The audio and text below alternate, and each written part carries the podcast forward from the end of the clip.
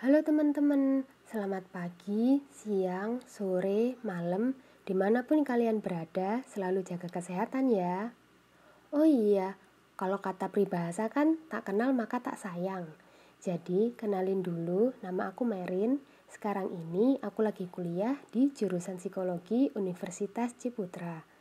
Dan di semester ini, salah satu mata kuliah yang aku ambil itu adalah mata kuliah psikopatologi dan abnormalitas. Jadi, di podcast ini aku mau bahas topik yang berkaitan dengan mental illness. Penting untuk teman-teman tahu, selain kesehatan fisik yang perlu kita jaga, kita juga perlu loh untuk menjaga kesehatan mental kita, teman-teman. Karena baik kesehatan fisik maupun kesehatan mental itu sama-sama penting loh. Seperti yang teman-teman tahu, di tanggal 30 Maret kemarin adalah hari bipolar sedunia.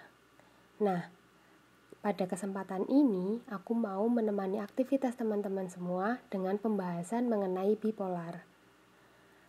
Yang mungkin banyak di antara kalian nih yang udah tahu kalau bipolar adalah gangguan mental di mana penderitanya mengalami perubahan mood yang drastis.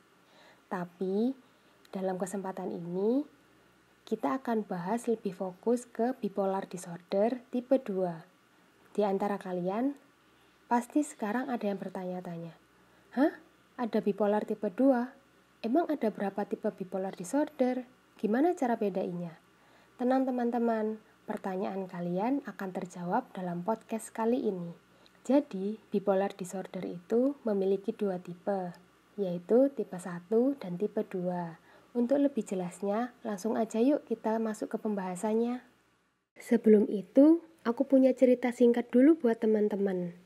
Ini adalah kisah nyata dari penderita bipolar disorder tipe 2. Dalam cerita ini, kita sebut saja dia dengan Mr. X ya teman-teman.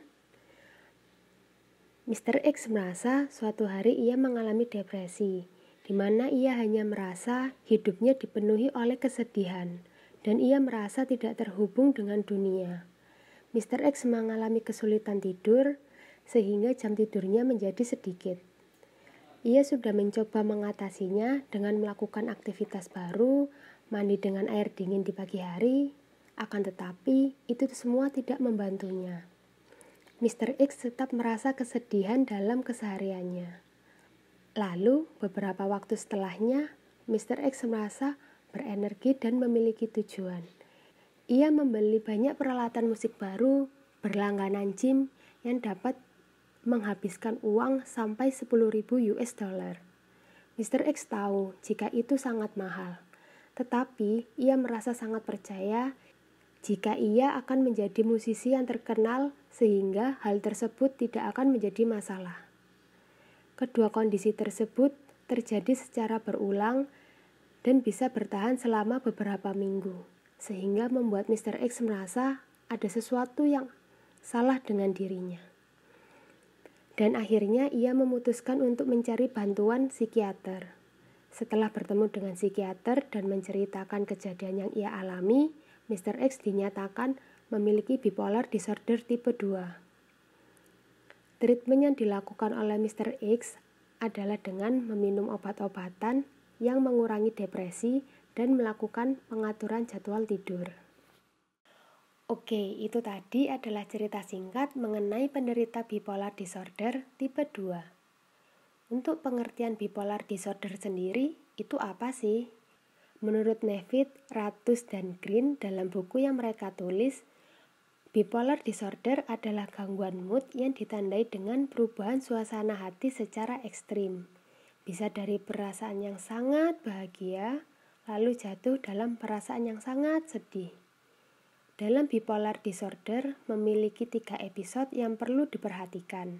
Pertama episode mani, kedua episode hipomani, dan yang ketiga episode depresi. Episode mani adalah kondisi di mana seseorang memiliki emosi bahagia yang berlebihan dan disertai dengan peningkatan aktivitas sosial secara ekstrim. Untuk episode depresi adalah kondisi di mana seseorang berada dalam kesedihan yang amat dalam sampai menarik diri dari lingkungan sosialnya. Lalu, episode hipomani adalah kondisi ketika seseorang memiliki emosi bahagia yang berlebihan namun tidak separah episode manik dan tidak disertai aktivitas sosial yang ekstrim. Untuk bipolar tipe 2 ditandai dengan adanya satu atau lebih episode depresi dan setidaknya satu kali episode hipomani. Mungkin di antara kalian masih ada yang bingung nih, apa sih yang menjadi pembeda antara episode mani dan episode hipomani? Sampai batas apa sih seseorang masih dikatakan berada di episode hipomani? Dan pada kondisi apa seseorang akhirnya dikatakan berada di episode mani? Supaya kalian bisa dapat gambaran yang lebih jelas, aku bakal jelasin dari segi gejala-gejalanya ya teman-teman. Dalam buku DSM-5, yaitu buku pegangan atau panduan yang digunakan oleh para psikolog, psikiater, dan profesional di bidang terkait untuk mendiagnosa seseorang yang memiliki mental illness.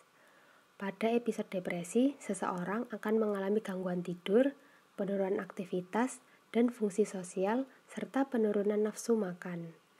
Ketika berada di episode depresi, gejala-gejala yang mungkin dialami berupa perasaan tidak berharga, sedih, hampa, putus asa yang dialami sepanjang hari, mengalami insomnia atau hypersomnia hampir setiap hari, kehilangan minat pada aktivitas-aktivitas sehari-hari, bahkan pada aktivitas yang disenangi seperti hobi merasa tidak memiliki energi untuk melakukan aktivitas tersebut, mengalami penurunan berat badan padahal sedang tidak melakukan diet, bahkan timbul pikiran-pikiran mengenai kematian, seperti bunuh diri, di mana gejala-gejala tadi terjadi selama dua minggu. Dalam episode hipomani, seseorang akan merasa dipenuhi dengan banyak energi, dapat bekerja selama berjam-jam dengan sedikit istirahat atau sedikit tidur.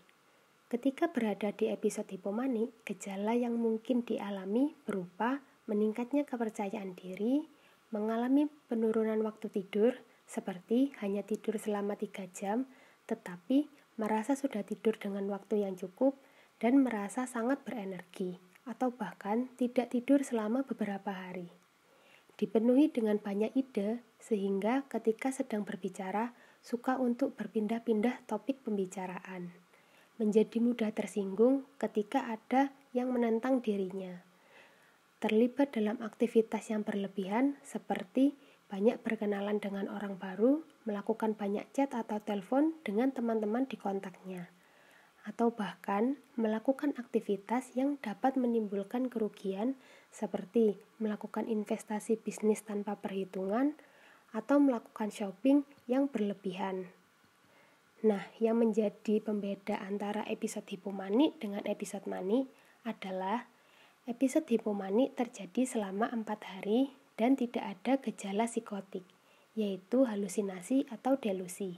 Sedangkan di episode mani terjadi selama setidaknya satu minggu dan diiringi dengan gejala psikotik. Dalam cerita Mr. X, ketika berada di episode depresi, yang ia rasakan adalah merasa hidupnya dipenuhi oleh kesedihan dan merasa tidak terhubung dengan dunia, serta mengalami gangguan sulit tidur. Mr. X mencoba untuk mandi air dingin di pagi hari dan mencoba untuk memulai aktivitas baru namun ia tetap saja merasakan kesedihan.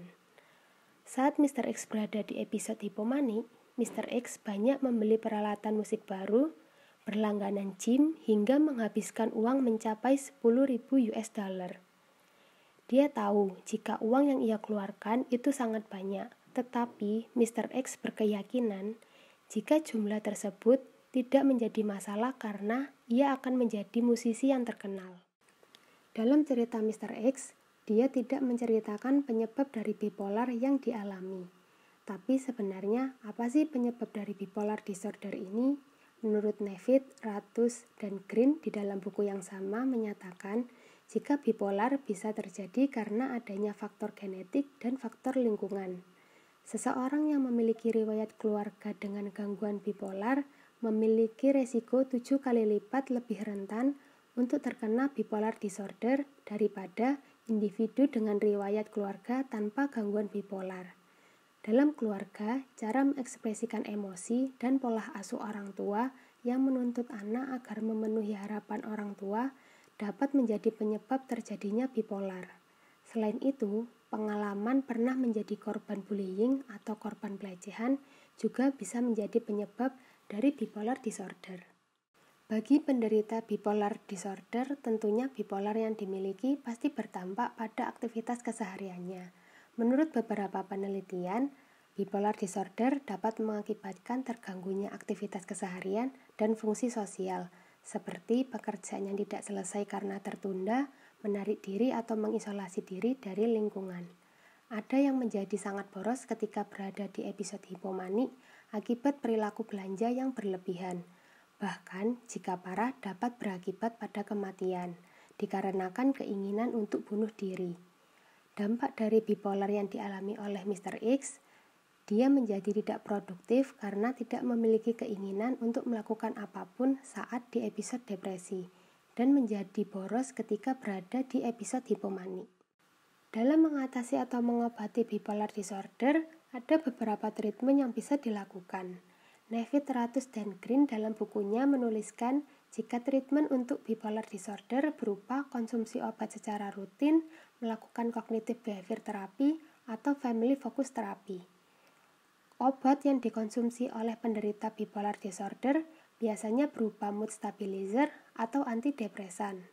Cognitive behavior therapy atau yang biasa disebut dengan CBT adalah terapi yang dilakukan dengan melakukan restruktur kognitif untuk mengubah pikiran-pikiran irasional yang dimiliki oleh seseorang menjadi pikiran yang rasional, membantu seseorang agar dapat keluar dari pikiran-pikiran negatif yang dimiliki sehingga dapat kembali melakukan aktivitas hariannya.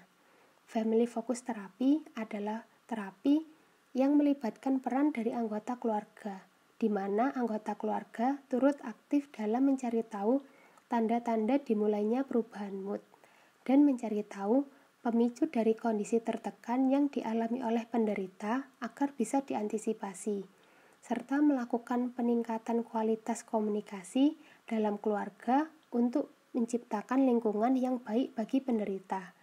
Treatment yang dilakukan oleh Mr. X berupa konsumsi obat antidepresan dan melakukan penjadwalan waktu tidur. Nah, jadi itu tadi adalah pembahasan-pembahasan seputar bipolar disorder tipe 2. Sebelum kita akhiri podcast ini, aku mau sharing ke teman-teman semua tips-tips yang mungkin bisa membantu kalian agar terhindar dari bipolar disorder. Yang pertama, belajar untuk mengekspresikan emosi negatif dengan cara yang baik. Ketika kalian merasa sedih, enggak apa-apa kok kalau kalian nangis. Nangis bukan bertanda kalau kalian lemah. Jadi nggak perlu sok kuat dan denial ketika merasa sedih. Tapi ingat, kalian nggak apa-apa nangis, tapi jangan bersedih terlalu lama ya. Yang kedua, belajar untuk berbagi cerita dengan orang lain. Ketika kalian berada di situasi yang tertekan, cobalah untuk menceritakannya dengan orang lain. Cobalah untuk melepas beban yang kamu rasakan dengan cara bercerita. Tapi, gimana kalau cerita kita malah jadi beban buat orang lain? Sekarang coba kita balik. Gimana kalau ternyata orang itu malah merasa senang kalau kamu mau berbagi cerita sama dia? Orang itu senang karena ia merasa menjadi orang yang kamu percaya. Gimana kalau menambah beban orang lain itu hanya asumsi kalian saja? Hayo. Menurutku, bipolar ini bisa terjadi karena kita sering denial dengan hal-hal yang sebenarnya menyakiti kita memendam banyak perasaan negatif dan bertingkah seolah semuanya baik-baik saja, sampai tinggal menunggu momen di mana diri kita sudah tidak mampu untuk menahan semua perasaan itu. Menjadi tidak baik-baik saja itu bukan sebuah kesalahan, jadi tidak perlu untuk ditutupi. Cobalah mencari bantuan ketika merasa sedang tidak baik-baik saja, dengan cara berbagi cerita dengan orang lain. Mencoba untuk lebih peka dan lebih melindungi diri sendiri Seringkali kita baru akan mencari bantuan ketika apa yang terjadi sudah parah. Padahal kita bisa loh mengatasinya lebih awal. Wah, nggak kerasa nih topik pembahasan bipolar disorder kali ini sudah selesai. Semoga hal-hal yang aku sampaikan tadi bermanfaat untuk teman-teman semua ya. Oh iya, perlu teman-teman ingat, kalian dilarang untuk melakukan self-diagnose. Kalau kalian merasa memiliki gejala yang aku sebutin tadi, kalian tidak boleh mendiagnosis diri kalian terkena bipolar.